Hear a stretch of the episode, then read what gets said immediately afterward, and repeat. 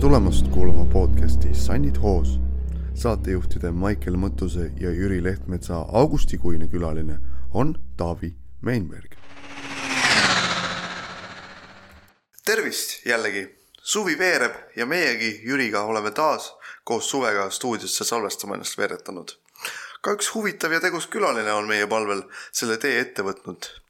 IT-mees, kelles on kindlasti palju põnevat peidus sees. tervist, Taavi Meinberg tervist, tere hommikut, tere päevast, tere õhtust, sõltub millal kuulaja kuulab.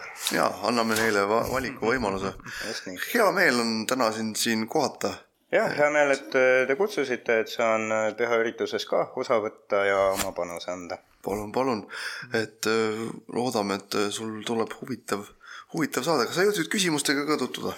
Äh, ma küsimustega, mis sai edastatud, nii otseselt ei tutvunud küll, aga ma tegin taustaluuret, kuulasin varasemaid episoode äh,, laikisin Youtube'is, mida soovitan ka praegustel kuulajatel kindlasti teha. väga hea soovitus ja väga põhjalik taustatöö siiski ka ilma küsimustega. siis sa juba kuulsid need ära, eks ju. sest siis sa tead, kuidas see asi, asi käib. aga seekordse MacGyveri avangu teeb meil Jüri Äh, kuidas algas su päev ja kuidas sa üldse siia jõudsid? no täna on tegu tööpäevaga, järelikult äh, äratuse järgi päev algas kuus viisteist hommikul, millal äratus helises, siis ma otsustasin, et päev nii vara ei alga, lükkasin kolmkümmend minutit äratust edasi, siis algas päev kuus nelikümmend viis, endiselt ei olnud valmis, lükkasin äratust viisteist minutit veel edasi ja siis päev algas täna kell seitse hommikul. Ja teekond siia, äh, kõigepealt oli tööpäev, nii et äh, kontoris askeldada. Ja siis äh, sealt rahulikult siia kulgeda. no väga, väga suur edasilükkamine sinu hommikus, aga on jah, sihuke, sihuke komme viimasel, just nagu viimase aasta või kuidagi niimoodi tekkinud, et varasemalt ma olen väga sihuke inimene, kes ärkab, äh, tahab aega ärkamiseks, sain rahulikult tund aega askeldada, aga kuidagi siis olin ka harjunud rohkem kuue või viie tunni unega, aga praegu viimasel ajal meeldib magada. et äh, ka tööpäeval, kus äh, nii-öelda täis, täis unemahtu, mis on soovitatud vist äkki kaheksa tundi, on väga raske kätte saada, seepärast kipun ka nii-öelda viimasel minutil ärkama, et et äh, nautida, nautida võimalikult palju seda magamistegevust. no eks see tuleb meil tervisele ainult kasuks, nii et äh, maga ka rahulikult Mi edasi. tervisele. jah, terviseminutid on need, mis, mis saaks selles halba, halba olla. et äh, mina küsin sult sellise küsimuse. selgita oma sõnadega oma puudelisuse olemust, sest meil on inimesi, kes ei puutu väga selle maailmaga kokku ja siis neil on ka tore aru saada, millest me parasjagu igas saates räägime jah, täiesti arusaadav, et äh, tõepoolest olen puudega, mitte põõsaste ega muude rohelistega, vaid just äh, puudega. aga noh, kuidas, kuidas nüüd võib-olla kõige lihtsamalt öelda, et mis jaa, see oleks kõige parem. konditsioon on, et ei hakka neid ladinakeelseid termineid ja nimetusi ja šahmid-mahmid nagu ette tooma, väga lihtsalt öeldes, minul on siis klaasis kondid.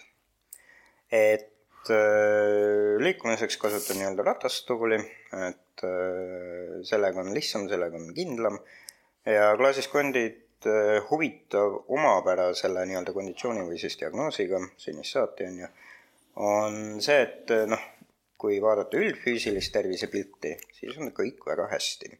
jäsemed töötavad, lihased töötavad ja kõike saab liigutada, kõike saab teha. Et kõigil meist noh, paratamatult ka nii hästi ei ole küll aga see tähendab seda, et äh, väga lihtsasti, üllatavalt lihtsasti ja väga tobedatel hetkedel võib esineda perioode, kus tervislik konditsioon ei ole nii hästi, kus äh, noh, paratamatult midagi murdub, midagi läheb katki või parimal juhul on tegu nikastuse või mõraga. aga see siis noh, luudega on see tüütu asi, et sellistest asjadest paranemine ei ole kiire tegevus, äh, kuigi arstiabi on väga kvaliteetne, väga kiireloomuline, et äh, siis noh, inimese kokkukasvamine kui selline võtab ikkagi omajagu see ei ole vist aja jooksul jah, nagu muutunud. jah, et äh, olen treeninud mitte küll oma tahtmisel, on ju, aga noh, paratamatult sündmuste tõttu äh, just sellepärast, et äh, minu luud on nagu sagedamini katki läinud, ei ole nad hakanud selle, selle võrra kiiremini ei ole paranema. hakanud. kuule, kas sa oled äh, arvestust ka pidanud, et palju sul siukseid katkiminekuid, no ütleme neid tõsisemaid jah, palju neid on olnud? tõsisema, mulle meeldib see täpsustus tõsisemaid, sest ma ise teen seda samamoodi. ma, noh, okei okay,, vastates siis küsimusele ei, ma enam statistikat ei pea. Ja mis ma puhtalt kõhutundelt pakuksin, on kolmkümmend, nelikümmend pluss midagi siukest, on ju.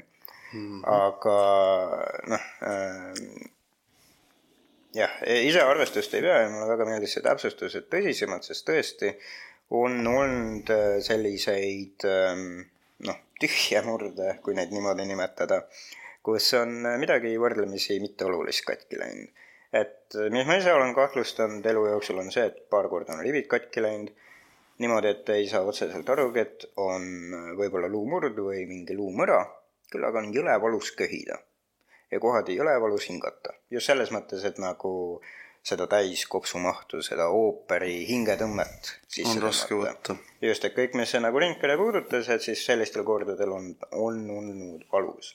Ja sellistel puhkudel ei ole väga traumapunkti läinud ja noh, jällegi ma ei ole alati teadvustanud seda, et on võib-olla mingi luumurd.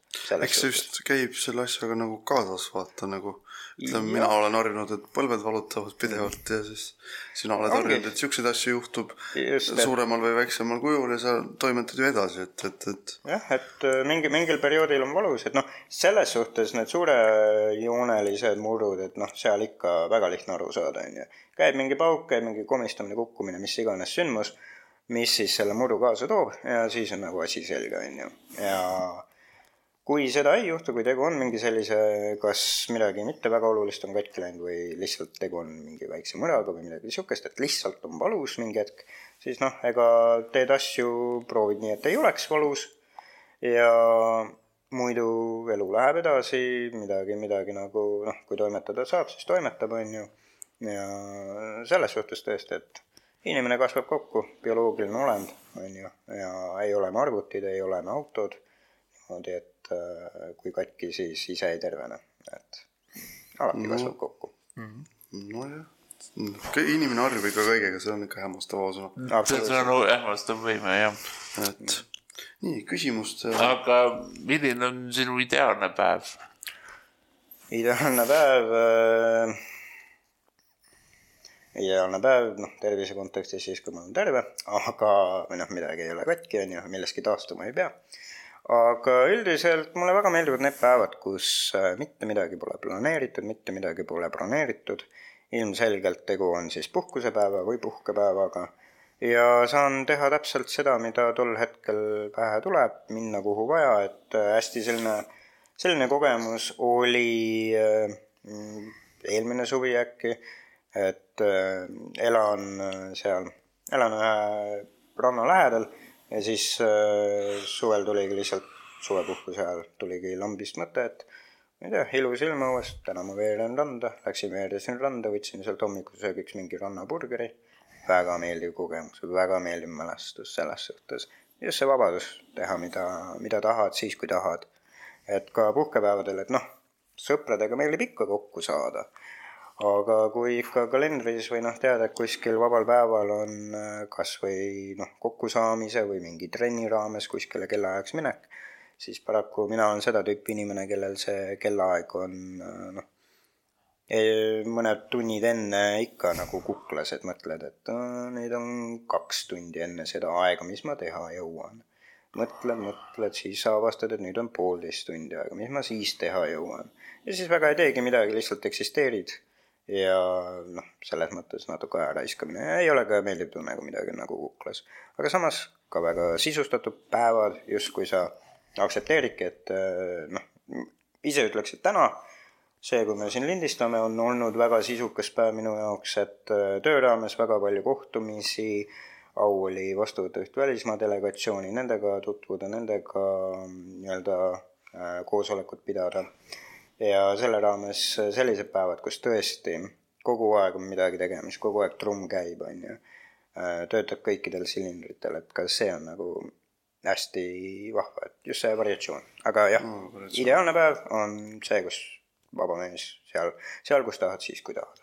no ma saan, võtan siis ka meie ülejärgmise küsimuse siis korraga siit, et et sinu ideaalne puhkus on ka siis see, kui sul on vabadus ja aega teha piisavalt seda, mida, et sa vabalt lähed, teed, mis sa tahad, see ongi sinu ideaalne puhkus. ütleks küll, et äh, noh, kui niimoodi muidugi ka väga pikalt, siis tekib loidumus, et äh, päevad hakkavad ühte sulanduma, eriti kui need nagu mõttekalt ei sisusta, tavaliselt see sisustamine tähendab mingi asja organiseerimist, eks ju. aga, või noh, jällegi võtad kätte ja lähed kuskile, on ju. see võib ka eksprompt olla kindlasti. aga jaa, ideaalne puhkus, pigem selline rahulikum, saad teha, mis tahad ja kui me räägime ka nii-öelda puhkustest, siis kas välisriiki või siis mõnda teise Eesti linna ja teise Eesti külla, on ju, et sellised puhkused meeldivad ka rohkem, kus äh, sündmuste vahel on aega, et äh, võib-olla kõik ei ole nagu viimase minutini book itud, kõik ei ole nagu ära planeeritud, vaid saadki jooksvalt vaadata, kuhu viitsid, kuhu ei viitsi, mida viitsid, mida ei viitsi ja muud siukest. Nonii, väga, väga hea, siis sul on, sul on, sul on kindel arusaamine ideaalsest päevast, ideaalsest jaa, ma, ma tean, mida ma tahan jätka samal lainel, ära, ära, ära oma suhtumist muuda. aga meil jäi siin üks küsimus vahele ja selle aumaana nügida. energia võtad, et näiteks üks tihe tööpäev või puhkepäev ära või puhkepäev ära toimetada, et tööalast energiat, äh, kafeiin, äh, tauriin, mis on energiajookides, et äh, neid põhimõtteliselt tarvitanud, aga noh, see on, see on nüüd selline väga literaalses nagu väga otseses kontekstis on ju, kus see mm. füüsiline kilokalori energia tuleb. jah, ülekant sulle energiat annab toimetada, et.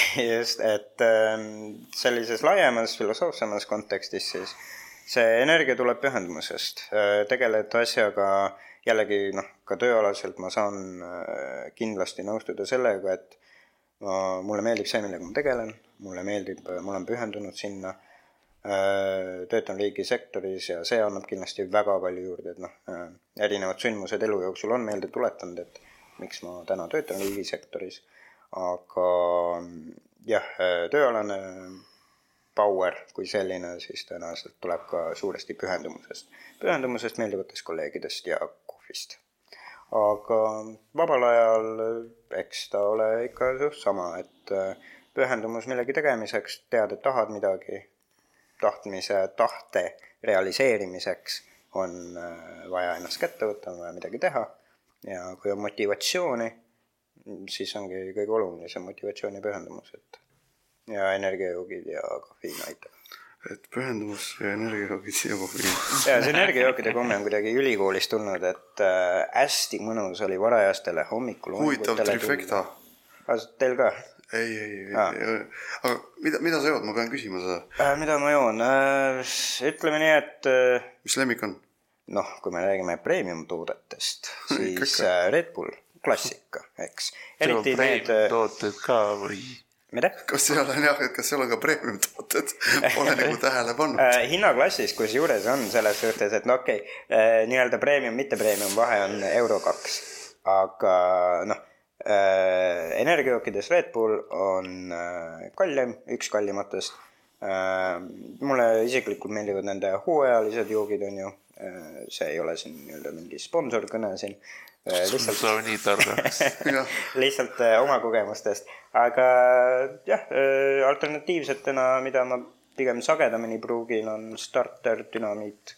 Vanasti oli Patarei või Burn, aga noh äh,, jah, et võib-olla nii-öelda rohkem neid energiajooke ei promoks, et ei ole just kõige tervislikumad asjad. ei ole just kõige tervislikumad asjad, aga noh, abiks nad sulle on ikkagi nagu, nagu olnud kedagi. nii, meil on vist järgmise küsimuse aeg, ma saan aru. mina vist küsin, et milliseid ja. kummalisi kohtumisi sulle ette tuleb, kui sa liigud? Äh, ma natuke seletan sulle, kui sa kohe selle peale ei tule. kummalised kohtumised on see, kui keegi tuleb, ma ei tea, pakub raha või pakub kummaliselt abi või tuleb, räägib mingeid kummalisi jutte või üritab sulle mingi kummalist usku äh, pakkuda või midagi taolist, sinna, sinna suunda ühesõnaga mm midagi sellist, noh, kui me räägime lihtsalt tänavatel liikumist, siis noh, klassika võib-olla meie jaoks on ikkagi see, et kui ootad kuskil midagi, taksot näiteks, lihtsalt eksisteerid, ootad, naudid olekut ja tullakse küsima, vabandage, kas vajad abi? saan ma aidata sind et noh, selliseid juhtumeid on ikka, pahaks ma neid üldse ei pane, kuigi tunnistan nooremana, mitte et ma nüüd muldvana oleks, aga varasemalt on natuke riivanud uhkust, mehe uhkust, et mis mõttes abi, millega abi, aga ma näen abitu välja sinu arust, eks. selles suhtes, sellest tundest, emotsioonist ma olen üle saanud ja mul siiralt, täna saan öelda, et siiralt on hea meel, kui tullakse küsima, sest äkki ma vajangi, aga ma ei julge ise küsida või äkki see, keda nemad näevad, keda, kelle käest nemad küsima tulevad, äkki nemad vajavad abi. ja selleks ei pea noh, puudega olema, on ju. Mhm. et, et abi, et abi vajada, aga noh, selliseid juhtumeid on ikka. Aga üks viimane kentsakas asi oli see, et jällegi käisin just juuksuris kuskil, ootasin taksot ja siis noh, üks napsusõber tuli rääkima, et oma, kõigepealt alustas väga viisakalt juttu, et milline buss siit Tondile viib? ma ei teadnud vastata, aga kuna ma istusin bussijaama kõrval, siis ju ta otsustas, et siit lähebki. ma ise ei teadnud, ma ei hakanud vastu ka vaidlema ega täpsustama. Aga siis me olime, ootasime, tema alustas juttu, kurtis, mis äh, elus teda riivanud on ja oma neid seikluseid ja asju ja ma siis kuulasin selles suhtes noh, tegu, tegu oli ikkagi, ei olnud paha inimesega, ma ütleks, vaid lihtsalt. vahest inimesed tahavad rääkida. just, oli, oligi niimoodi, et noh, sihuke tunne, et inimene, talle meeldib rääkida, ta otsib inimesi, kellega rääkida, võib-olla kõik ei võta teda jutule, on ju, ei kuula teda. aga noh, kuna mõtlesin, et tühja kah, mul nagunii tuleb mingi viiskümne minuti pärast, on ju, et ja, ei hakka välja tegema või noh, ei hakka kisa tõstatama, on ju. ja siis kuulasin tema jutlustusi, tema arusaama maailmast ja siis tuli buss, ma ei tea, kas see läks Tondile või mitte, aga tema selle peale läks. Et selline no selline... ikka läks. aga noh, äh, varasemalt lapsepõlvest ikka on tulnud seda, et äh, tahetakse midagi näppu anda, aga noh, need võivad olla ka erinevate organisatsioonide esindajad selles suhtes, et ei pea olema just sellepärast, et äh, mina näiteks olen puudega. et kindlasti selliseid promojaid ja varjatud müügiinimesi on ju neid võib igalühel ette sattuda.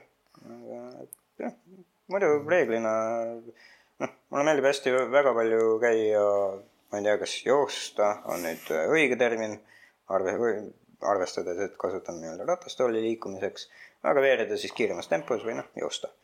ja sellistes olukordades, ma ei tea, enam, enamik ajast, kui ma kuskil seiklen, ei tulda tülitama. no, no siis ikka inimestel mingi viisakuse barjäär nagu on, aga no ma saan, jah, nagu ma sulle just ütlesin, et ega ma olen ise ka olnud nendes olukordades.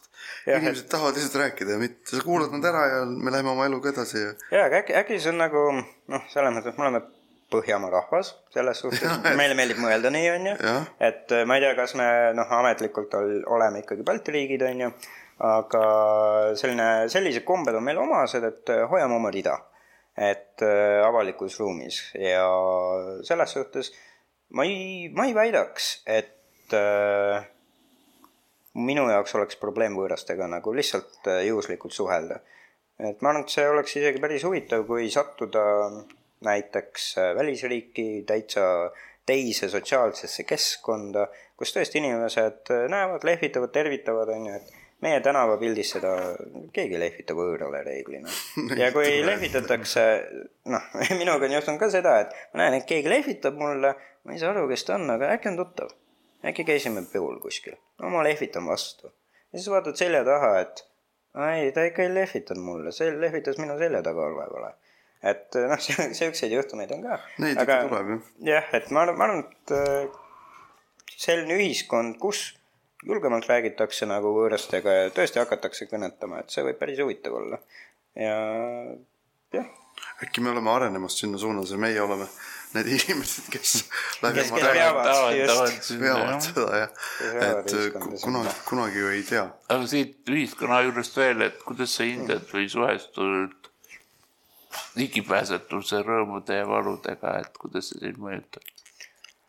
jah, ligipääsetavus on linnaplaneerimises kuum teema kindlasti, olgu see kas ratta ligipääs või ratastooli ligipääs, aga noh, oma, oma vaatevinklist ma saan öelda, et selles mõttes suhteliselt äh,, olen suhteliselt suure privileegiga, et äh, minu jaoks võib-olla klassikalised ligipääsu takistused ei ole kõige suuremad takistused, sest äh, teatud nagu, teatud asju ma saan omal jalal teha, kui on, ma olen, ma käisin kuskil autokoolis ja pidin nii-öelda noh, tegin kaugõpet, on ju, aga siis pidin kohale tulema. meil oli vist see esmaabiõpe, et noh, seda ikka kaugelt ei, ei õpeta, kuidas, mis rütmiga nagu elustada, on ju. ja siis ma pidin kohale minema, selgus, et see on majas, kus äh, ei ole lifti, on teisel korrusel ja noh, selles mõttes ma olen priviligeeritud, et äh, ma sain, äh, võtsin oma seljakoti selga ja vedasin oma tooli trepist üles, kuna mul jalad võimaldasid seda, võimaldavad seda. Et äh, selles suhtes minu jaoks võib-olla neid väljakutseid on vähem ja ma võib-olla ei ole siis sellest tulenevalt ka väga palju tähelepanu eelluurele, nagu me nimetame seda, pööranud et äh, uurida, mis ligipääsuvõimalused, äkki on kaks trepiastet. klassikaline näide, vaatad korteri kuulutust, on ju, Mustakivis kuskil, Mustamäel mm -hmm. kuskil, on ju. Äh, vaatad, et oh, majas on lift, väga hea. Mõtled, et äh, äkki üüriks, on ju, või äkki ostaks sõltuvalt finantsist. aga lähed kohale korterit vaatama, siis vaatad, et majas on lift, aga liftini viib viis trepiastet. klassika. ilus, ilus ja noh, selles suhtes need on ikka valusad laksud, on ju, aga minu, minu suhtumine läbivalt on olnud sihuke, et kui on tahe, siis saab. ja aga mis puhtalt... see, mis seda tahet ei taha vist rakendada iga päev. Ja sa väsitud kindlasti ära ja et viis aastat hommikul alla, viis aastat üles tagasi. eriti, kui olukorda ei ole võimalik ise lahendada ja sa pead teistest sõltuma. see mm -hmm. on moraalselt väsitav. et Äh, noh, tulles tagasi selle esimese mõtte juurde, et kus on tahe, seal saab, et sellistes erandkondlikes juhtumites äh, ma siiralt usun, et kui ma ise ei saa hakkama, siis ma leian tänavalt head inimesed, kes mind aitavad. Vot, see no, mõte seostub järgmise küsimusega ka ja me. ma, ma võib-olla korra lõpetan selle okay. jääda ära, et ähm, jah, äh, leidub inimesi, kes, äh, kes aitavad ja kelle, kelle abiga saab seda, mida üksi ei saa aga kindlasti ma olen niisuguse isiksusega üsna põikpäine sel teemal, aga mulle ei meeldi sõltuda teistest. Ja ma usun, et väga vähestele tegelikult nagu meeldib sõltuda selles, seda kindlasti, jah. just, et äh, selles suhtes äh, ma mõistan, et ligipääsetavus on hästi oluline just selleks, et inimene saaks tunda Äh, oma noh, iseseisvana, omaenda peremehena või perenaisena. et äh, kindlasti see on hästi oluline ka nii-öelda pikas perspektiivis. Et voh, see, see lähebki siis kokku sellega, et no ma saan aru, et kuidas sa suhestud abivajaduse ja abi küsimisse, küsimisse, et et sa, sa küsid abi, kui sul on vaja, aga sa pigem nagu ei teeks seda, kui sul otseselt väga suurt vajadust ei ole just, ja võib-olla lisaks täpsustusena, et ähm, ei meeldi abi küsida. olen, noh, nagu ma ütlesin, olen põikpäine sel teemal ja eriti põikpäiseks lähen siis, kui mulle öeldakse, et ma ei saa. Et see nagu ajab midagi keema ja. no see on punane rätik, kui sulle öeldakse, et sa ei saa. no sa. Äh, tule, tullakse väitma, et äh, ma ei saa X asja teha ja noh, tõenäoliselt kindlasti neid on, on ju, et äh, kergeolümpia nii-öelda võitjat minust ei tule ja ei ole ka minu e elu eesmärk. küll aga siuksed pisiasjad, et äh, ei saa mingi X asjaga tehtud, et äh, see lisab motivatsiooni just ise proovida ja sellistes olukordades, kus abi vajad, et äh, või noh, kus ma abi vajan, et äh, jah, kohati on raske seda küsida äh,. kõigepealt tõenäoliselt proovin ise ja alles siis, kui olen läbi kukkunud, alles siis küsin abi. mis muidugi noh, veits piinlik on ju, et aga äh, see läbikukkumine. proovinud. just, et. andnud endast kõik. Ja äh, kindlasti ja see läbikukkumine võib äh, vahepeal lõppeda ka nii-öelda päris kukkumisega, on ju. aga senimaani on hästi läinud ja no kuskil see tasakaal on selles suhtes. et jah, abi küsiksin viimases olukorras ja proovin olla võimalikult iseseisev no selli-, sellised väärt mõtted sinu poolt, väga eluterve vaade elule. aga kust te arvate, et nagu teie silmis see janu iseseisvusele tuleb? et mul, mul on endal teooria selle kohta ja ma olen nõus seda kohe seletama, aga kõigepealt, et mitte teie arvamusi värvida, siis küsiks teie käest, et mis, miks äh,, ma eeldan, et teie olete ka võrdlemisi mm -hmm. suure sooviga iseseisvad olla, eks ju. et äh, nendes olukordades, kus seda saab, te seda olete, ma eeldan. et kust see tuleb? See vist on nagu inimese põhiolemus inimese põhiolemus ja võib-olla et ma teen, arvestan nalja, et inimesed ei lood, ei ole loodud aitama teisi inimesi. vist nii jah, ma olen no näiteks, nõus et, et, et noh, et abistamisega mingid seljavarud ja mm. et inimesed on üldiselt loodud nagu ise hakkama saama, nii palju kui nad võimelised seda tegema on. et, et see tuleneb justkui nagu evolutsioonist, olgu see no siis jah, et, bioloogi- et, bioloogiline või et jah, et kui sotsiaalne. meil seda ei oleks, siis me ei oleks puu otsast alla tulnud nii-öelda. aus, aus. hea mõte, ei no isiklikult ma ütlen, et eks see minu, see on minu keevaperelisemas DNA-s, et, et no mulle üldse see asi ei meeldi, aga no kui on vaja, siis on vaja ja noh, ennast nagu rihmaks tõmmata või katki teha ei ole ja. mõtet. et et selles suhtes peab oma DNA-le vastu hakkama ja mõistusega tegutsema.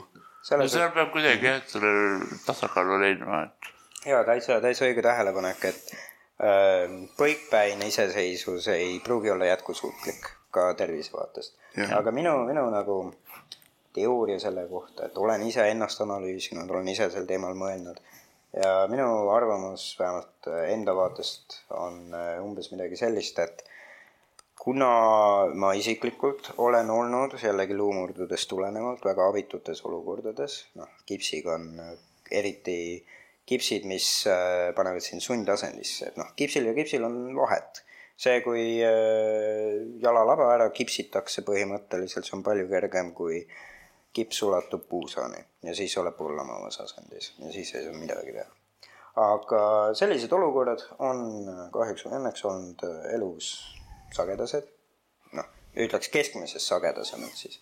ja ma arvan, et see, selles ka minu janu nii-öelda iseseisvusele on kasvanud ja on tulnud, sest mul on seda teatud elumomentidel vähe olnud mm. -hmm. ja just noh, olen kuulnud neid kirjeldusi, et näiteks lapsed, kes kasvavad üle vaesusest ja neil ei, vaesuses ja neil ei ole sellist tagatud ligipääsu näiteks toidule või veele et äh, kui nemad tulevad sellest olukorrast välja, saavad suureks, parendavad oma eluolukorda, siis, Siis nemad jääb ikkagi ju,, on ju. ja see jääb neile külge Jääb, jääb. ja nad jäävad toitu varuma või mm Mhm. -hmm. mis iganes neil tol hetkel puudu oli. ja ma isiklikult arvan, et äh, midagi analoogset on vähemalt minu puhul mängus. no minul endal on see, et on lihased kogu aeg nõrgenenud, siis sa tead, et võib-olla on see hetk, et ma seda ise teen üks viimastest, et mm. Ja see et kõlab, siis sa tahad nagu nautida seda hetke, et, et kui ma sain seda teha. see kõlab nagu väga tugeva motivaatorina ka neid erinevaid, erinevaid asju proovida. et toome näiteks, et ma mingi viis aastat tagasi läbisin kümnekilomeetrist maratoni, ossa, siis see laupäev oli poolteist kilomeetrit oli sihuke, et läbisin tunni ajaga sama palju, kui ma varem enam-vähem kümmet kilomeetrit läbisin, et noh. Et sealt tuligi nali, et, et varem ma sõitsin inimestelt eest ära kogu aeg ja nüüd, nüüd ma ilgun teistele järgi, et see, see on ka sihuke sisemise motivaatori nojah, et neid motivaatoreid on palju, aga no üheks suureks motivaatoriks elus on armastus ja peab küsima selle küsimuse, keda ja mida või mida sa elus armastad. ohoh no vasta nii, kui soovid. jaa äh,, ma armastan oma perekonda. minu üks suuremaid tugisambaid selles suhtes, et äh, selles suhtes on mul tõesti opanud, noh, vedanud äh, nendega, kui nii, kui nii öelda äh,. armastan oma tööd äh,, sealt tuleb ka antud motivatsioon tööalane, eks. ja on ka noh, kui me räägime või okei okay,, armastamine, kas teie jaoks äh, es-, esmalt äh, romantiline või igal kujul, mis saab inimlikus ja seaduslikus piiris olla. et äh, tunnistan, et kui mina seda küsimust kuulsin nüüd, siis äh, esimesena meenusid romantilised huvid ja on ka neid olnud, aga võrdlemisi vähe selles suhtes, et äh, ma arvan, et minu jaoks nii-öelda noh, inimesed, kelle vastu mul romantilist huvi tunnen, on võrdlemisi vähe ja see ei teki kergesti. et aga mul, mul on hea meel, et on ka siukseid inimesi nii-öelda, kelle vastu see huvi on. eks, et äh, see on ka emotsioon, see on ka osa elukesest ja mul on selle üle ainult hea meel. no su-, suurepärane lähenemine. aga mis teie vastused sellele on? meie, meie vastused oh, keda või mida sa armastad?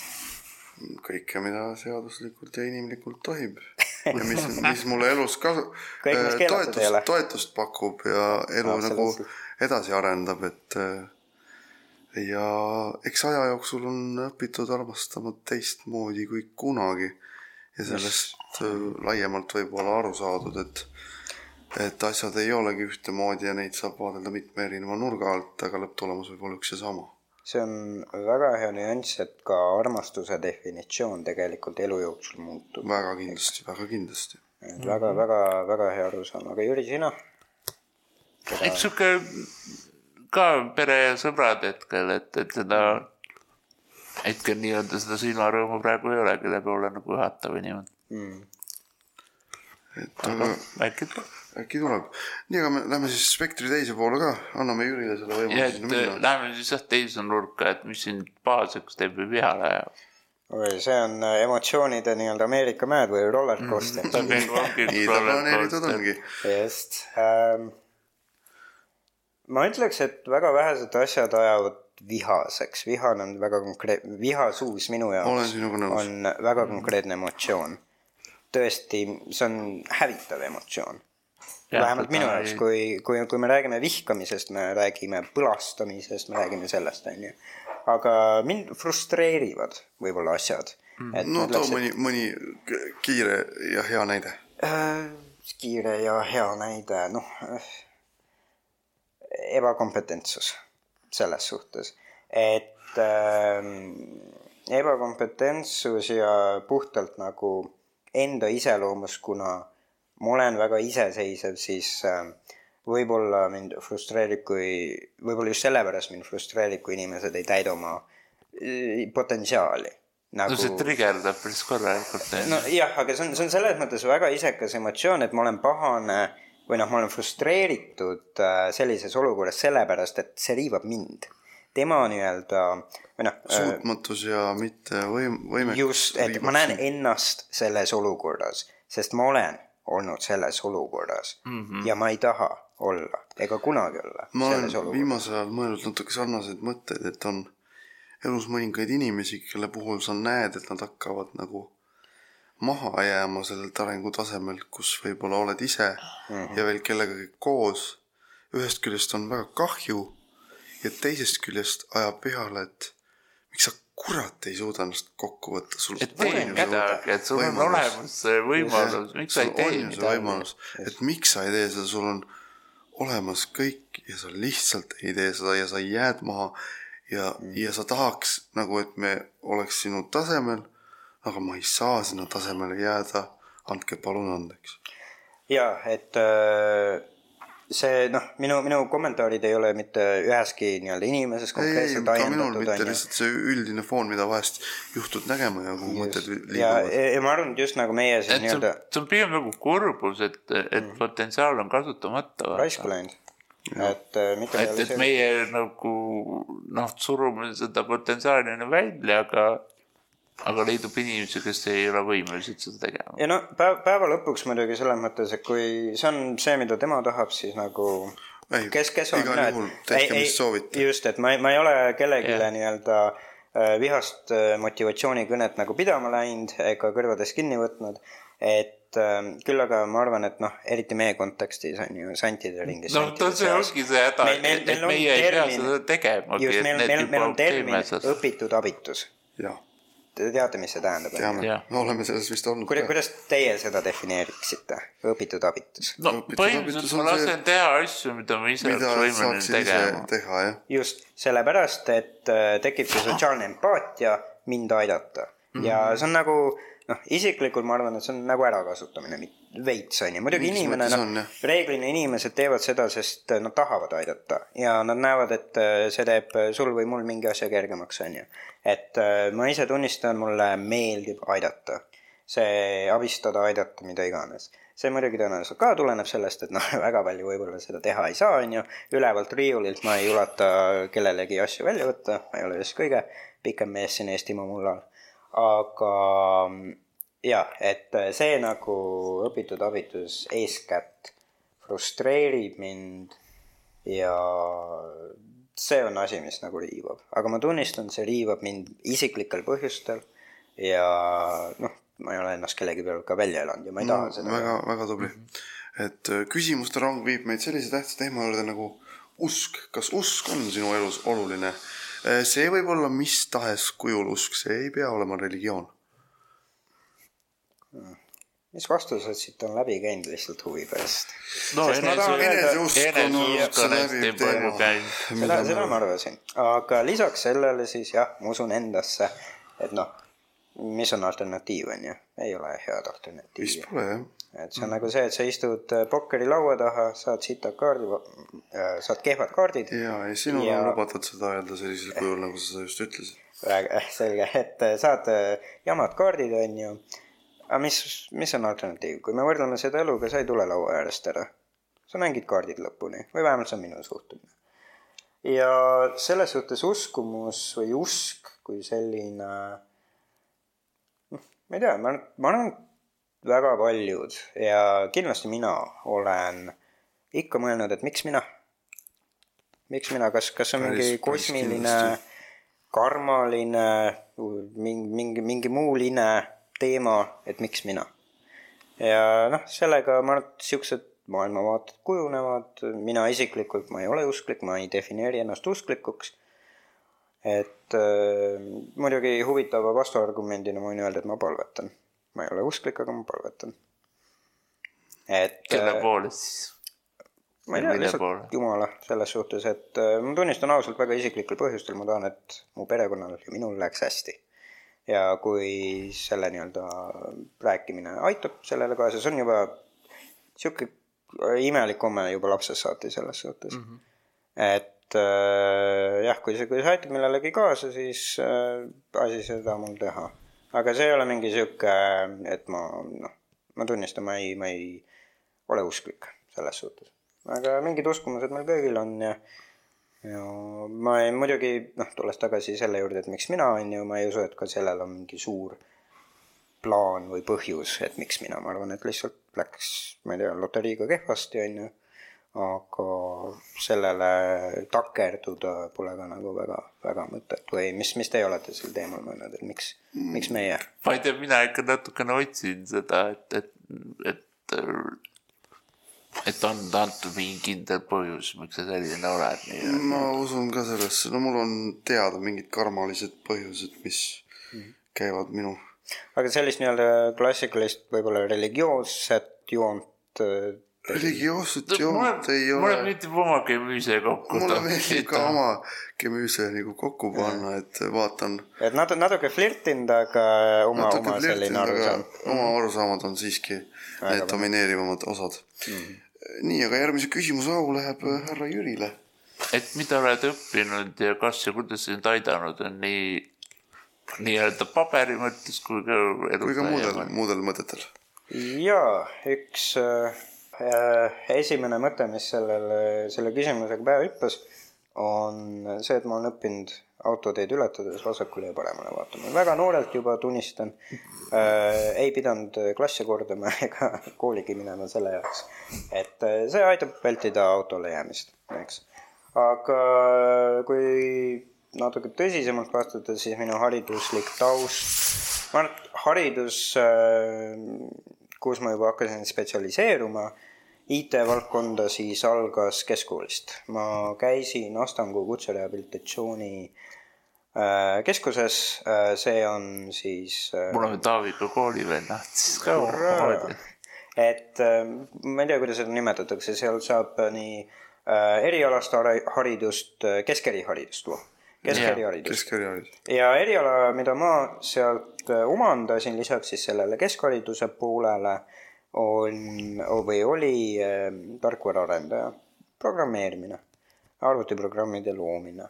selline valdkond, mis mind äh, juba tol ajal huvitas ja mul on väga hea meel, et äh, mul oli selge suund, mida ma tahan õppida, ma teadsin, et ma tahan IT-d teha.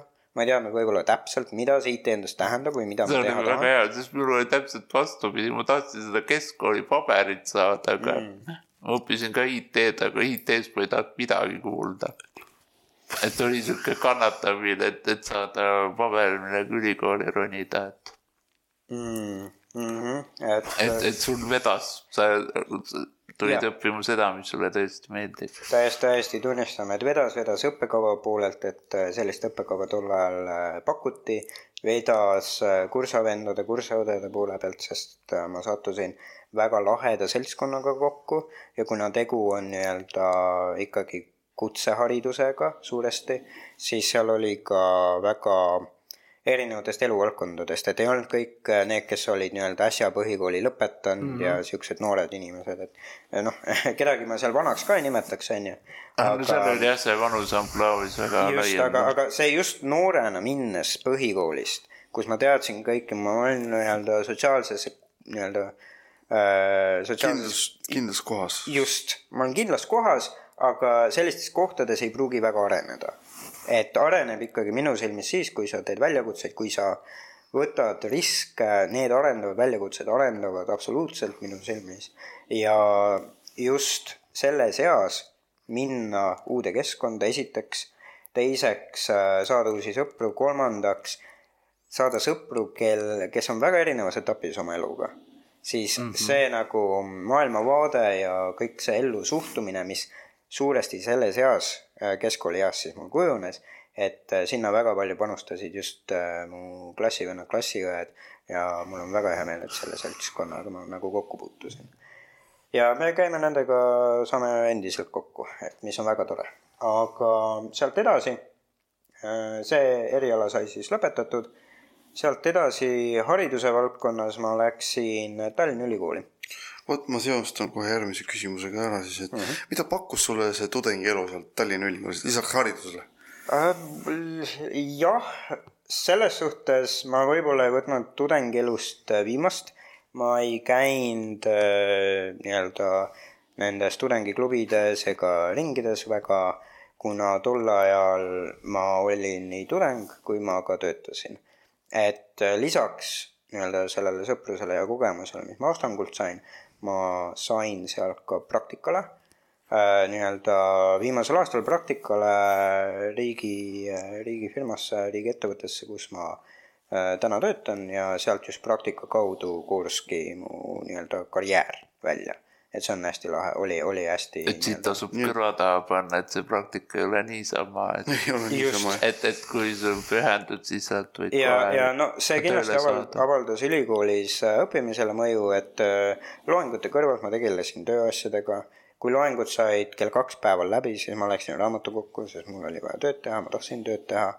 ja selles suhtes noh, natukene mõjutab, et mu fookus oli äh, kas sealt tekkis mingi sünergia ka, et ma loengus kuulsin seda ja siis tööle lähen kasutada. tööle ja kasutan seda. jah, võib-olla bakalaureuse vähem, kuigi sealt ka tekkis, aga magistris rohkem. et äh, si- sinna ma jõuan, aga selles suhtes äh, jah, Tallinna Ülikoolis siis äh, esiteks väga tore koht, väga head õppejõud, mulle enamus neist väga meeldisid ja väga lihtne liikuda, kui me räägime sellega ma ligipääsetavusest. olen nõus. just, et äh, erinevad ma ei ole seal, ma tulen TalTechist, ma ei ole sellega üldse nõus, teil eksib alati ära, seal, seal ei leia midagi üles, lift ei tule alla ja nii edasi. et äh, saan aru, et sa siis äh, õppisid nii bakalaureusest kui magistris, aga sa tegid ka samal ajal tööd. et Mis kuidas see sul kulges ja mis tööd sa tegid ja mis tööd sa täna teed? Äh, jaa, mul ähm, nii-öelda keskkoolis äh, läks väga hästi. et äh, Astangu kaudu, kuna tegu oli nii-öelda kutseharidusega, kutse, kutseõppega, siis äh, seal olid praktikad kohustuslikud. ja viimasel aastal ma sattusin äh, kahe sõbraga praktikale Riigi Infosüsteemi Ametisse ja seal me tegime tarkvaraarendus nii-öelda praktikat, mis oli väga lahe. Väga meeldiv seltskond oli seal nii-öelda ettevõtte poolt või siis äh, Riigi Infosüsteemi Ameti poolt. ja selle noh, praktika oli suveks, suve põhimõtteliselt juunis algas ja augusti alguse kanti sai äh, läbi. et äh, sealt aga tehti mulle pakkumine äh, edasi liikuda praktikandist nii-öelda X-tee meeskonda. et äh, teenushalduri rolli ja et sina oled süüdi, et me ID, tähendab sina, tänu sinule me saame ID-kaarti kasutada. oh, Kaudsemas need, need naljad äh, käisid tõesti sel äh, nii-öelda perioodil läbi, kus see oli väga aktuaalne teema, et kuna ma selles asutuses töötan, olen seotud, siis kindlasti mina, mina selle nii-öelda teema tõstatasin seal, eks. või põhjustasin, aga ei, see, see valdkond ei olnud minuga seotud ja põhimõtteliselt, mis X-tee endast kujutab, et natuke lahti mõtestada seda, siis äh, see on meie Eesti digiriigi üks fundamentidest hästi,, hästi-hästi oluline vundament. digiriigi sõrglook. jah, täitsa, täitsa julgen nii väita, et äh, see on andmevahet, riiklik andmevahetusplatvorm, mida kasutavad meie erinevad äh, riiklikud registrid, infosüsteemid, äriregister, rahvastikuregister, eks ju, ja mida kasutavad ka erinevad erasektorid, et turvaliselt ja standardiseeritud kujul andmeid vahetada. ja just selle lahenduse implementeerimine nii-öelda nüüd siis juba rohkem kui kakskümmend aastat tagasi mm, -hmm. ähm, andis meile väga hea pinnase, mille pealt digiriiki edasi kasvatada. sest tänu sellele, tänu sellele, et meil on andmevahetuskiht olemas standardiseeritud kujul, meie erinevate ministeeriumite infosüsteemid ja teised infosüsteemid saavad omavahel suhelda. see tähendab seda, et äh, iga ministeerium ei pea kodanikelt andmeid küsima, sest kui need andmed on äh, ühelt kodanik, selle kodaniku poolt juba teisele ministeeriumile antud, need andmed on riigil olemas selles suhtes. ja õigustatud äh, kasutusjuhu puhul saab äh, neid andmeid sealt registrist küsida mitte kodaniku käest. see tähendab, et ministeeriumid ja nende IT-süsteemid suhtlevad omavahel ja see kõik võimaldab luua väga ägedaid digitaalseid teenuseid, meie riigiportaal on väga hea näide sellest, on ju.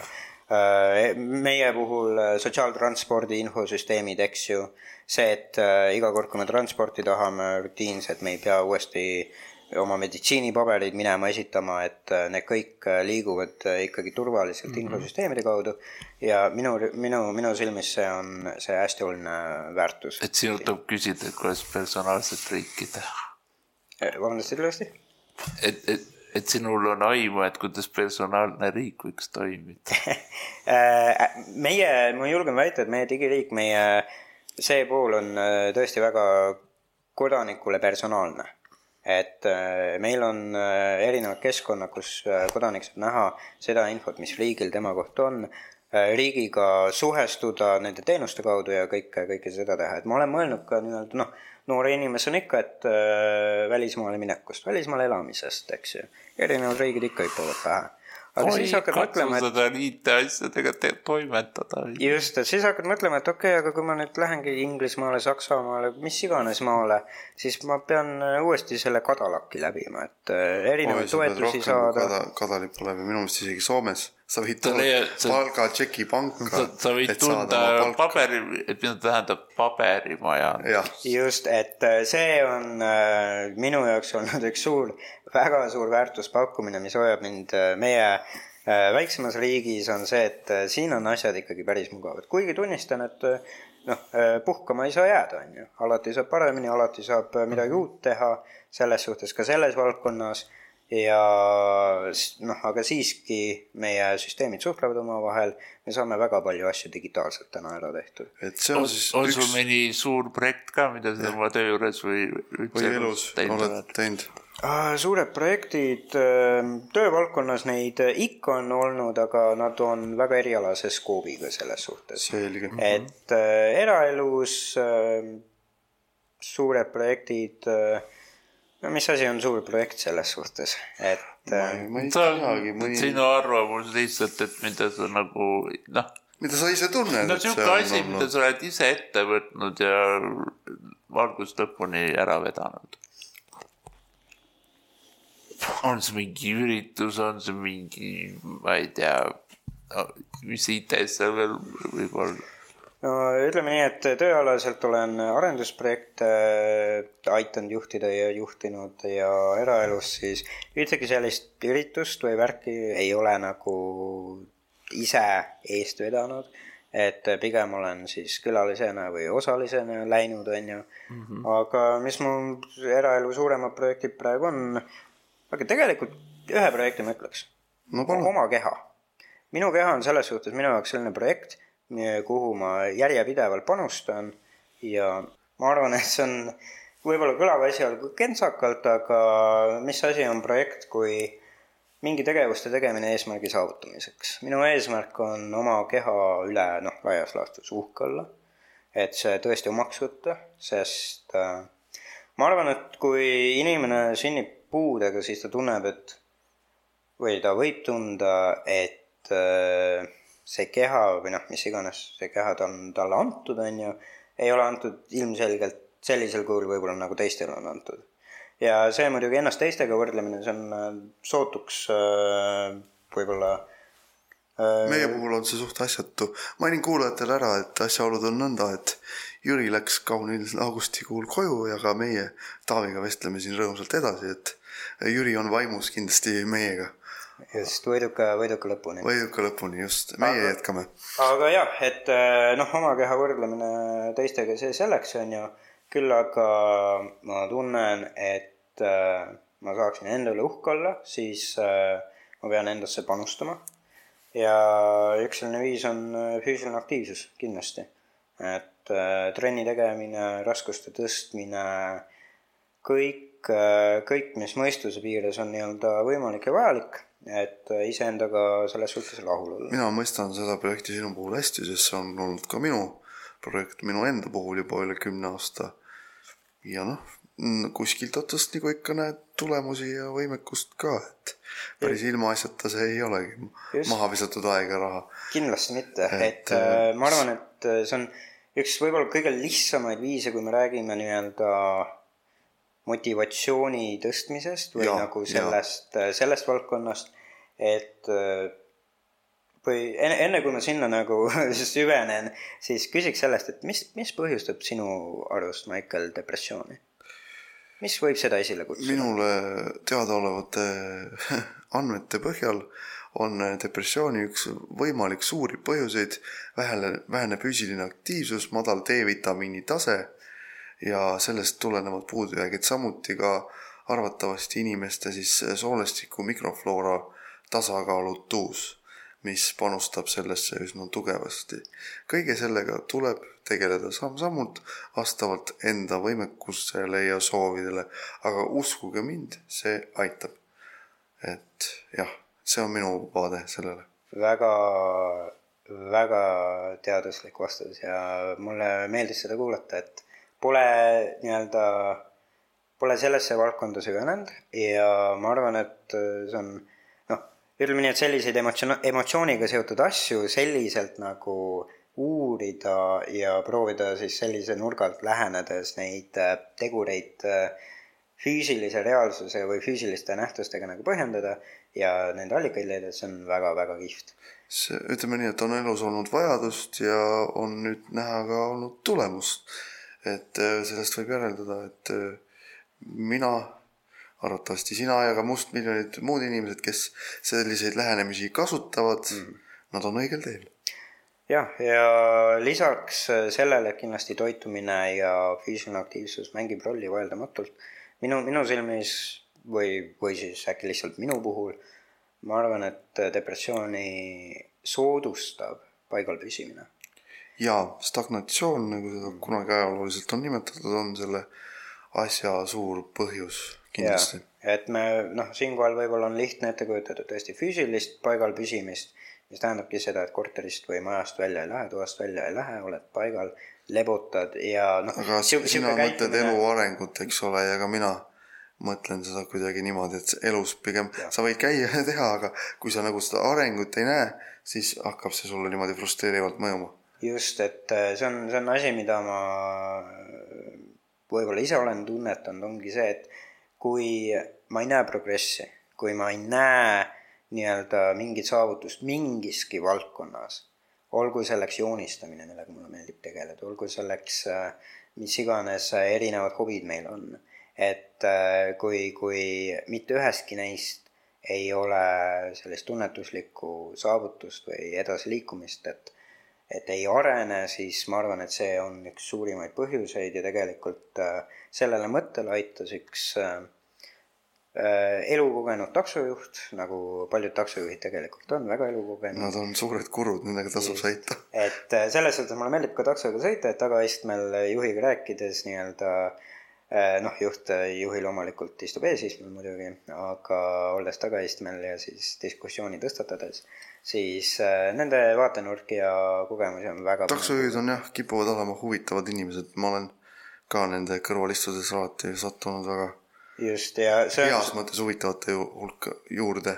ja see nagu, kui me, kui me arvestame, et see tõesti võib tulla sellest, et ei ole tunnetada seda edasiarengut, seda kasu, seda saavutust, siis minu arust füüsiline aktiivsus, trenn, oma keha eest hoolitsemine, see on üks valdkond, kus on väga võib-olla mitte lihtne, lihtne on siin vale sõna, sest raskuse tõstmine ja järjepidevus ei ole lihtne.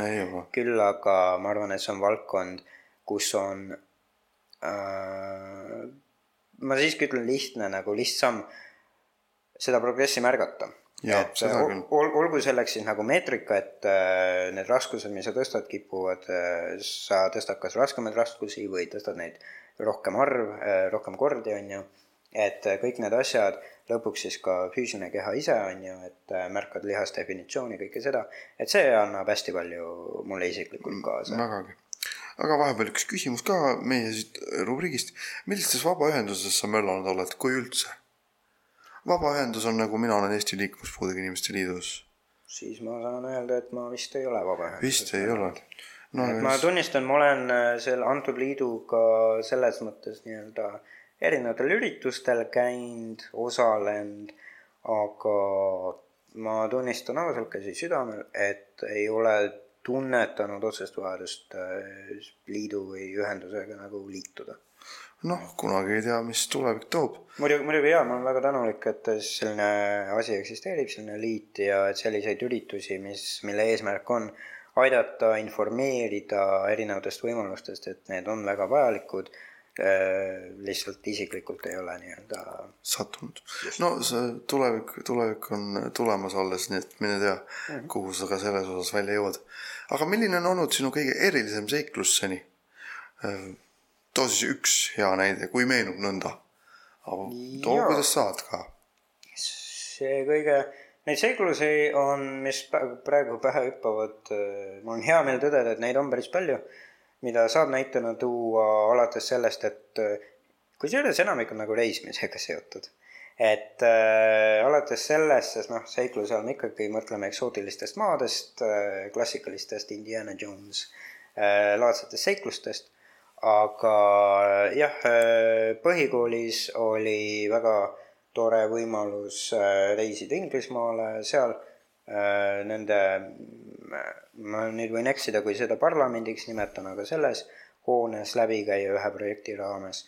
kuigi tol ajal olin nii noor, et enam sellest väga palju ei mäleta, välja arvatud üks väga vahva politseionu, kes oli väga sõbralik ja äh, tore, tore karakter. aga siis keskkoolis oli tore võimalus minna Saksamaale välispraktikale paariks nädalaks, see oli hästi põnev sattuda Lõuna-Saksamaale mägedevahelisse linna või külasse mäleta nüüd, kumb ta oli oma suuruse poolest, aga hästi ilus, hästi soojad ja sõbralikud inimesed ja hästi lahe kogemus, eriti minna siis ühe keskkooli sõbraga ja ühe väga toreda õppejõuga.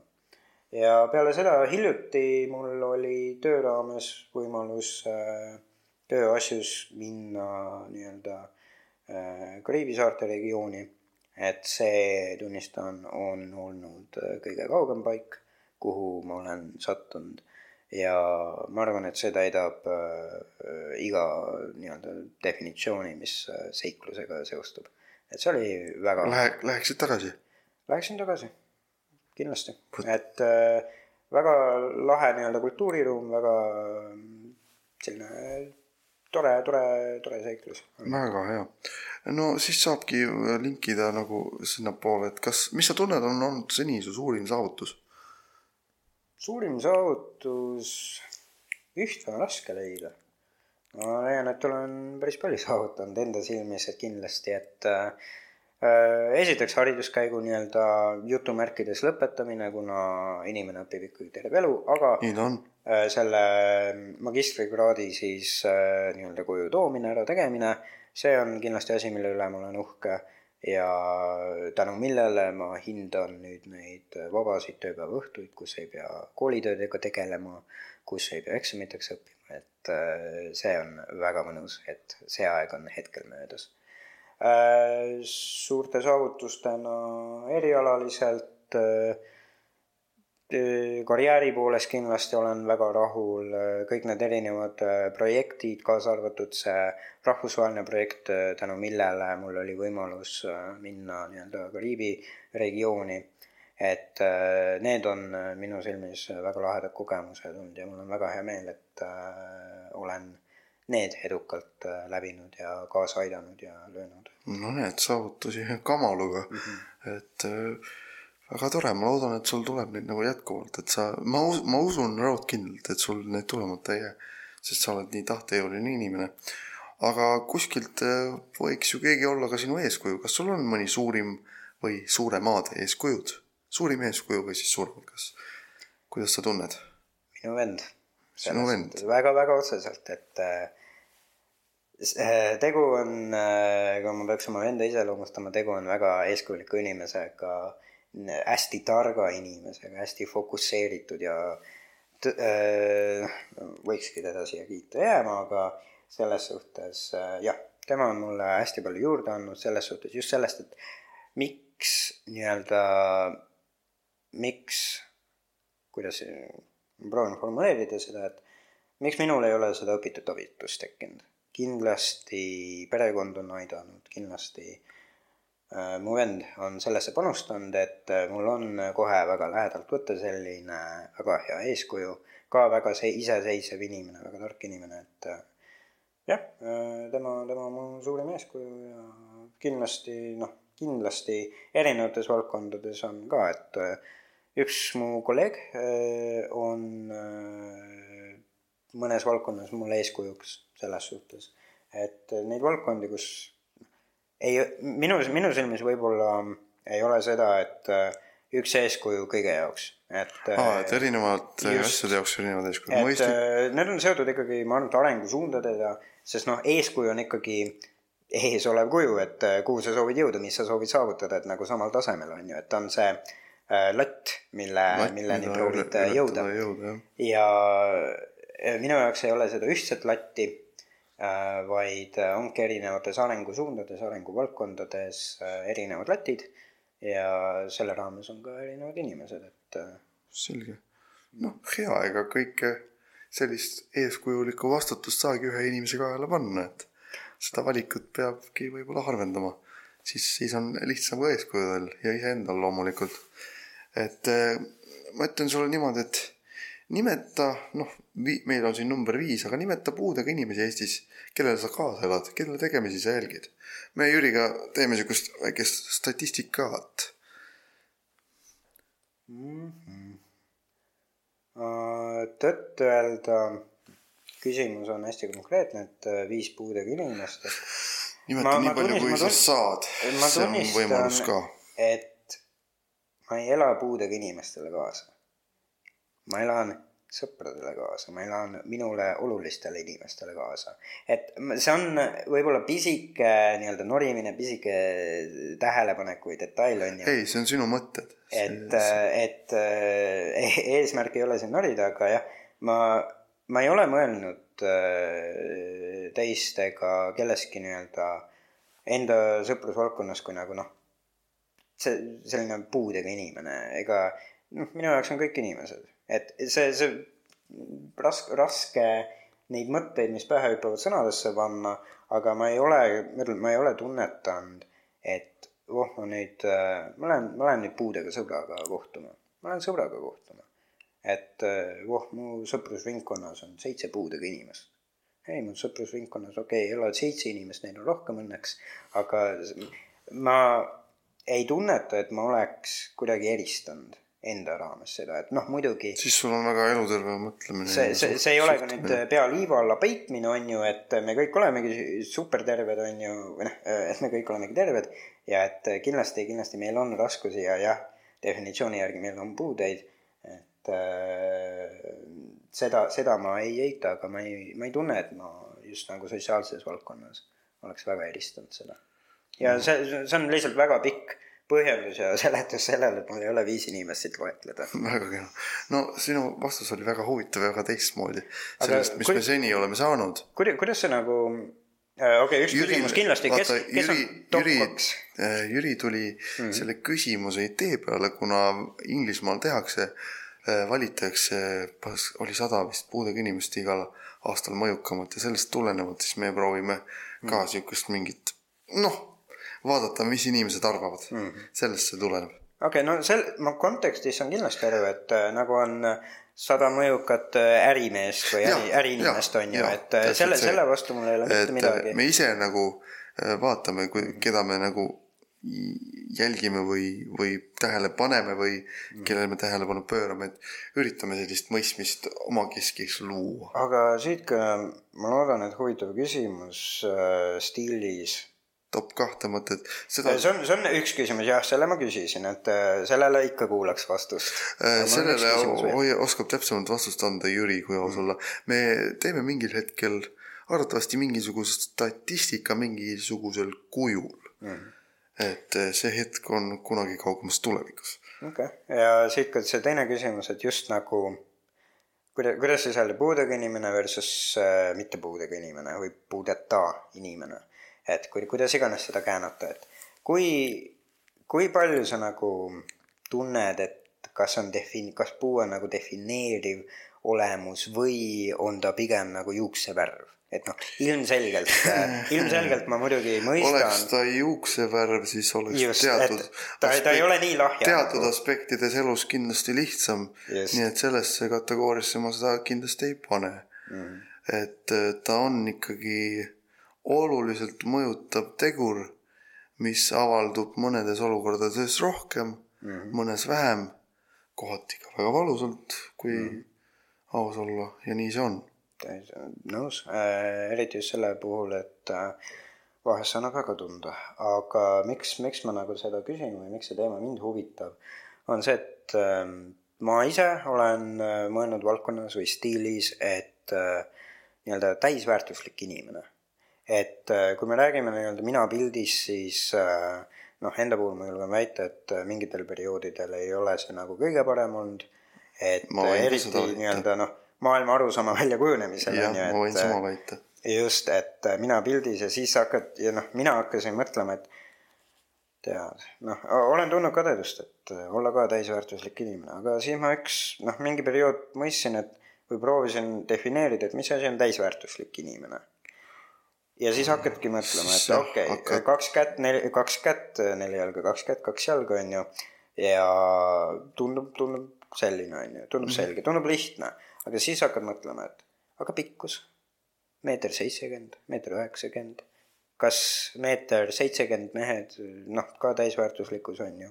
et kuidas sellega võrrelda, silmavärv, sinine, pruun. jah, neid faktoreid on hästi-hästi kui palju., kui seda mõt-, mis ma tahan öelda, on see, et kui seda mõttelõnga, et mis on täisväärtuslik inimene, proovida viimase graanulini välja defineerida sa ei suuda Just. seda Ja- ja see- ideaali paika panna ega ka öö, võib-olla mitte just ideaali, aga mingit lihtsamat standardit, see on Just, liialt et keeruline. sel-, selle raames ma olen jõudnud enda puhul ka arusaamale, et äh, sellist standardset inimest kui sellist, millele nagu oh kui lahe oleks vastata, et see, seda nagu ei eksisteeri, järelikult äh, see noh, me jõuame ka selleni, et vasak või parem käsi, eks ju. kas mm -hmm. standardsel, kas standardne inimene on parema või vasakukäeline, et jah, siin saab statistika mängu tu- tuua, aga kindlasti on neid omadusi, mille, mida ma praegu ei oska nii-öelda eetrisse tuua, mille puhul on ka statistika põhjal palju raskem, et sugu näiteks, kas standardne inimene on mees või naine? Eks ju. Li, liiga keeruline. Just, ja- ma, ja see ma, kõik- ma parem küsin sult meiepoolse järgmise küsimuse. lõpetaks selle mõtte ära, et see kõik minu arust annab selleni, et standardset inimest ei eksisteeri. me kõik oleme inimesed, me kõik oleme erinevad ja, Ja meil meie- on nii-öelda suuremaid erisusi, vähemaid see erisusi. paljusus ehk loobki siis standardi, mis on pidevas muutumises. oled sa minuga nõus? jah, et äh, no kindlasti ka sotsiaalsete nii-öelda arusaamade põhjal on ju need standardid muutuvad, aga jah, et lihtsalt äh, eneseväärtuse ja selle kohta rääkides, siis sellist äh, standardset äh, inimest, millega ennast võrrelda, seda ei eksisteeri. jah, ma, ma olen ka sinuga nõus. aga ütle mulle oma vanus, ole hea. ossa poiss, kakskümmend viis. kas viieteistaastane sina oleks arvanud, et sa oled oma eluga täna, kus sa oled? Ma isegi ei oska öelda, kus ma arvan täna, et ma viieteistkümne aasta pärast olen. aga aga kui sa äh, tagasi mõtled, tagasi mõeldes, siis ma arvan, et mõnes mõttes jah ja mõnes mõttes ei. mõned valdkonnad, mis ma arvan, et on täppi läinud, on see, et ma tegelen IT-ga. mul äh, on meeldiv töökoht, mul on meeldiv nagu seltskond, head sõbrad, kõik, kõik see on nagu noh, ma ei ole vastupidist eeldanud kunagi ja mm -hmm. sellega ma olen nagu väga rahul ja ma arvan, et see on täppi läinud. Küll aga mõned võib-olla isiklikud eesmärgid, need on muutunud, mis on prioriteedid olnud, mis on nagu fookused olnud. Et äh, nendes, nendes on tõenäoliselt ikka erisusi, et viieteistaastase mina prioriteedid olid äh, tõenäoliselt palju erinevad, kui need on täna, see on ju loogiline osa inimese arengust. Ma arvan ka. ja et väga-väga meeldiv kuulda, et, et siiski sinu, sa eel, eel, eeldasid nagu parimat ja, ja, ja sul on ju enamuses see tegelikult olemas. jah, olen rahul sellega, kus ma täna olen, sellega, kes ma täna olen ja ma annan endast parimat äh, tuleviku, tulevik oleks ainult ülesmäge. väga hea mõte. mida sa soovid, et inimesed sinu kohta teaks, kui on midagi sellist? tõtt-öelda ei ole, et äh, ei ole sellist äh, huvi midagi bännerina kuskile ülesse panna, et äh, siis on sul selleks õigus. just, aga jah, ma arvan, et need, kes mind tunnevad, need, kes mind teavad, et äh, nendega, nendega ikka oma aru saan. väga hea. et äh, mis teeks aktiivselt elamise sulle veel lihtsamaks? sa oled väga aktiivne, nagu ma kõigest järeldan, aga kindlasti on midagi, mis võib-olla veel aitaks kuidagi. Mm, kui ma oskaks midagi siin praegu kohe vastata, siis ma arvan, et ma oleks seda teinud. Või äh, selle nii-öelda lahenduse või elemendi nagu juba oma ellu lisanud. just ellu toonud, realiseerinud, aga noh, kui me räägime sellistest suurtest asjadest, siis äh, seda, et äh, kuidas iganes seda ka ei lahendata, siis et liinibussidel oleks äh, olematult lihtne või noh, äärmiselt lihtne peale minna, et ei oleks mingeid tobedaid äh, erisusi nurgakividega, äärekividega, kõik see muidugi lihtsustaks, aga saab ka, saab ka praegu hakkama. no väga hea. sul mõni kogumishuvi või eriline kirg on? tahan öelda, ma kogun kogemusi või neid asju, et seda meie saates on kuulda ikka olnud, et Ah, meeldib inimestele teha. tegu on äh, tüüpvastusega. tegu on aga hea tüüppastusega. jaa, et äh, jaa, ma, ma arvan, et noh, kogemused ja kui aus olla, siis äh, kogemustega seotud esemed ja meened. et äh, tunnistan, olen sihuke inimene, et kui turistina kuskile lähen, kas või linnuse varemesse, siis ikka midagi võtab kaasa, et pärast äh, lihtsalt meenutada, et mingi kujuke või asi, mis kleeps, mis iganes, eks ole. mis iganes sul saadaval on. turismi, turistinänn küll, aga siiski Absoluutselt. sulle vajalik. et äh, jah, midagi, mis sellega seostub ja otseselt sellist äh, kollektsionääri elementi ei ole. ei ole. mis spordiga sa tegeled, mis südame plõksuma, põksuma paneb? no Jüri on läinud, aga ma tean, et te olete siis äh, meie kõik suvised külalised elektriratastooli saali hokis tegevad. ja ma saan aru, et sina oled ka see üks äh, mängija, kes võistleb, eks ole? just, et äh, mängin äh, Eesti elektrisaali, elektriratastooli Stooli saal, saal. küll on pikk ja lohisev nimi. ja te peate mingi hea lühendi välja just, et ähm, mängin seal äh,, olen võistlustel käinud, olen võistleja ja minu roll siis on äh, mälu järgi keskründaja, nõnda nimetati. minu ülesanne hokimängus, kui lihtsalt need ratastoolid äh, korraks kõrvale jätta, kui mõelda hokimängu peale, siis minu ülesanne on äh, pall üle tuua vastase poolele, liikuda palliga värava suunas, vastas, lootuslikult siis vastase värava suunas ja anda sööta vasakul või paremal oleva tiimikaaslasele, kes siis saavad kas äh, kohe ise väravasse lüüa või palliga vangerdada ja proovida seda ise väravasse lükata. Ja võistlused selles raames on väga põnevad olnud. Et äh, oleme käinud äh, Soomes võistlemas, ma tean, et varasemalt, enne kui mina liitusin, käidi ka muudes riikides, aga minu, minu kogemus on väga otseselt Soomega piirdunud, viimane võistlus, kus me tagasi tulime, me saime hõbemedali, millele mul on väga hea meel. muidugi oleks, muidugi siht oli ikkagi kulla poole, et ei ole mõtet kas neid medaleid jagatakse nagunii, et igaüks saab ühe, et sa saad omale koju seina peale panna ikka ka? jah, antud Väga juhul küll, et äh, minu oma ripub äh, tööl mu nii-öelda laua kõrval. no just, tubli et äh, midagi ilusat päevas vaadata Jaa. mõtled, läks koosolekul kehvasti, aga medal on olemas, ilus.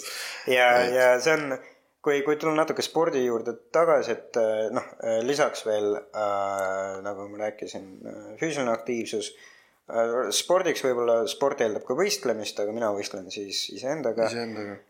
et raskuste tõstmine, jooksmine, kõik sihuke värk, aga tegelikult enne saalihokit ma tegelesin ka laskespordiga see tähendab äh, seda, et ma käisin lasketiirus äh, õhkpüssi, aga tegelikult ka sportpüssi, mis on siis nii-öelda terava moonaga, kus on püssirohi, tegu on väikse kaliibriga, punkt kakskümmend kaks, kui ma õigesti mäletan. et äh, minimaalne tagasilöök selles suhtes, aga ikkagi ta teeb seda klassikalist nagu püssirohupauku, on ju. et äh, või padrunipauku, aga jah, selle spordiga sai tegeleda ja see Äh, tänu sellele mul on ka väga meeldiv võrdlusmoment nii-öelda tiimispordi ja individuaalspordi vahel. sul on see võimalus. just, et äh, laskesport on väga individuaalne, ta on väga sisemine sport, ma ütleks. sest äh, laskespordi eesmärk on äh, sihtmärki tekitada võimalikult keskele äh, auk lasuga, mille eest sa saad maksimum kümme punkt üheksa punkti. ja seda teha iga lasuga, mis sa teed. seega selles spordis iga lask peab olema see perfektne lask mm, -hmm. Mis äh, võib-olla juhtub iga kümne lasu tagant, on ju. aga selles spordis peab iga lask olema perfektne lask ja järelikult iga lasu juures sa pead otsustama, sa pead langetama selle otsuse, kas sa lased või sa tõmbad asendi tagasi, reset'id ennast ja alustad uuesti, sa pead otsustama, kas sa teed nüüd selle paugu. ja sellepärast ma nimetan seda väga sisemiseks spordiks ja väga individuaalseks spordiks. sa oled kogu aeg enda peas sa teed neid mehaanilisi liigutusi, need on päheõpitud liigutused, need liigutused peavad olema võimalikult samad, et tuua sisse võimalikult vähe variatsiooni. et äh, siis, et äh, su padrun, su kuul lendaks võimalikult samasse kohta. ja see on, selles mõttes on raske sport, mitte võib-olla füüsilises mõttes, kuigi päeva lõpuks see väsitab ka. see on olnud äh, raske selles mõttes, et äh, hakkad ise endaga vaidlema, hakkad lõpuks kahtlema seda, et äh, kas, kas jätkata, kas nagu teha pauk, kui kolm lasku on äh, nigelalt läinud järjest, siis äh, neljas lask tuleb ebakindel. et jah, et selles suhtes hästi, hästi lahe sport, mul on hästi hea meel, et sain sellega tegeleda. Ja võrreldes tiimispordiga, noh, tiimispordil on ka oma võlust, tiimispordis sa ei ole võib-olla enda peas nii väga kinni, sa oled koos tiimikaaslastega, võidud on ühesed, ühised, kaotused paraku on ka ühised ja tiimispordis kindlasti oluline on individuaaloskus, aga te ikkagi mängite tiimina või noh, me mängime tiimina, on ju. et äh, see sõltuvus ja kamraadsus teistega on hästi äge on sul mõni oskus, kuigi sa teed hästi palju elus, on sul mõni oskus veel, mida sa tahaksid omada? jaa, peamiselt hobidega seonduvalt, et äh, joonistamine tahaksin osata, praegu õpin oskama selles suhtes, aga see kõik on iseõpe ja ma iseloomustaks seda kui pea vastu kiviseina, kivimüüri tagumine, lootes, et see, et äh, müür annab alla. aga mulle see väljakutse meeldib, ma leian, et ma olen arenenud äh, just äh, retrospektiivselt vaadates, et joonistamine on niisugune oskus, mida ma arendan ja soovin arendada. Ja siis noh, peast on läbi käinud ka kirjutamine, millega olen proovinud tegeleda, mida tahaks arendada, video monteerimine, kõik see värk. et ongi hobide fookus on võrdlemisi lai, hüppan erinevate teemade vahel, iga õhtu võib-olla ka ei tegele iga asjaga. ja see ongi, variatsioon on päris suur ja teemasid, mida arendada, on mitmeid, aga just see, ma arvan, et viibki, viibki edasi. Et kas sul äh, on mingi muusika ka, mis sul vere käima paneb? muusikapala, mis vere keema ei, muusikastiil või, või kuidas? muusika, mida ma kuulan, reeglina paneb, on tempokas metall, power metall, black metal, tehno, kõik, kus beat on nii-öelda kiire, tempokas, trummid on valjud, kitarr on moonutatud, distorted, kõik see väga meeldib. no, no näed, siis on see sul olemas aga jälle mõni eluline küsimus siin viimaste hulgast, et milline on su tulevik sinu vaates? helge. helge. ongi nii mm? -hmm. On veel mõningaid täpsustusi äh,?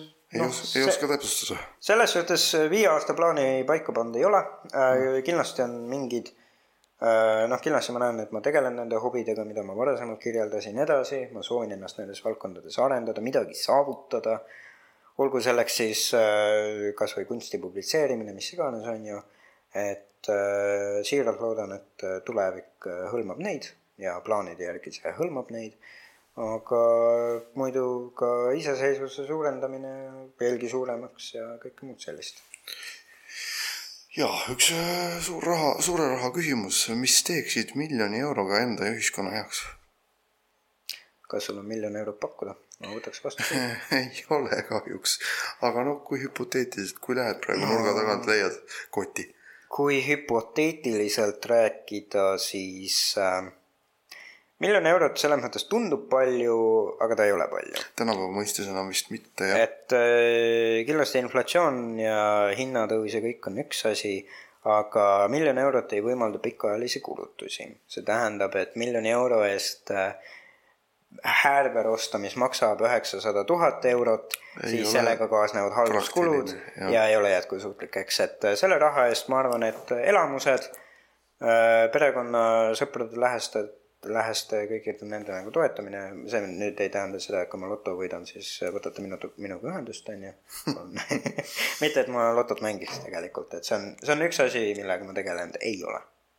no ma ei tea, suvi on pikk ja lai, katseta äkki korra, no osta üks, no äkki näeb. ja, ja, ja kui ma võtan, võidan selle Milku, siis ma mäletaksin Michael Mõttus, kes selle idee oh, tuli, on ju.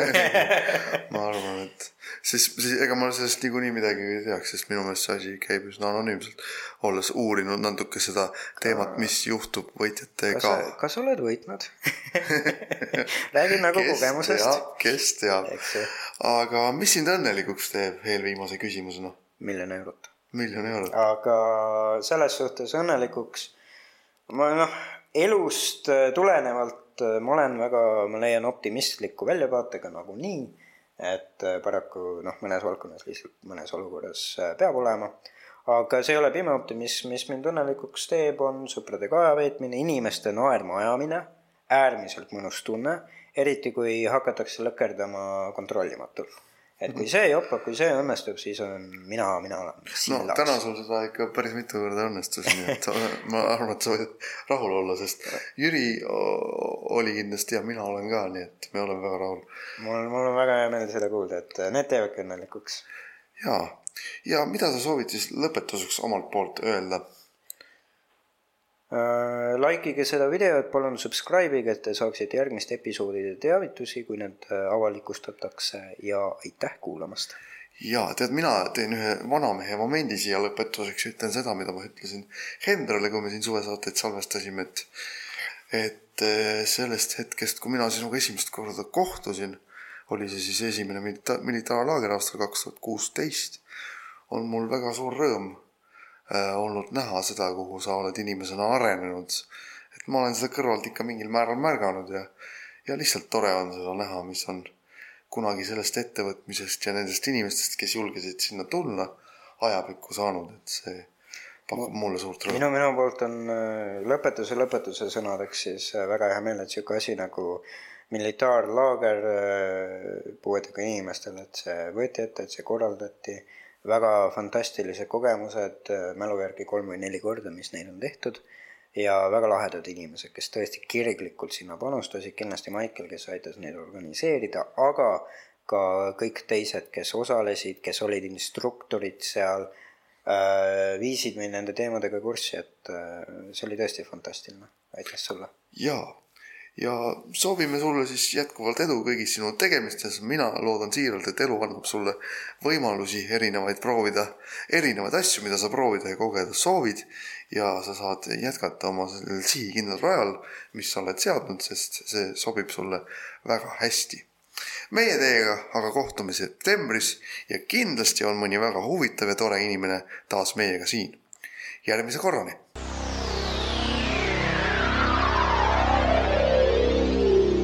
selline sai meie tänane saade. täname kõiki kuulajaid ning kohtumiseni meie järgmises saates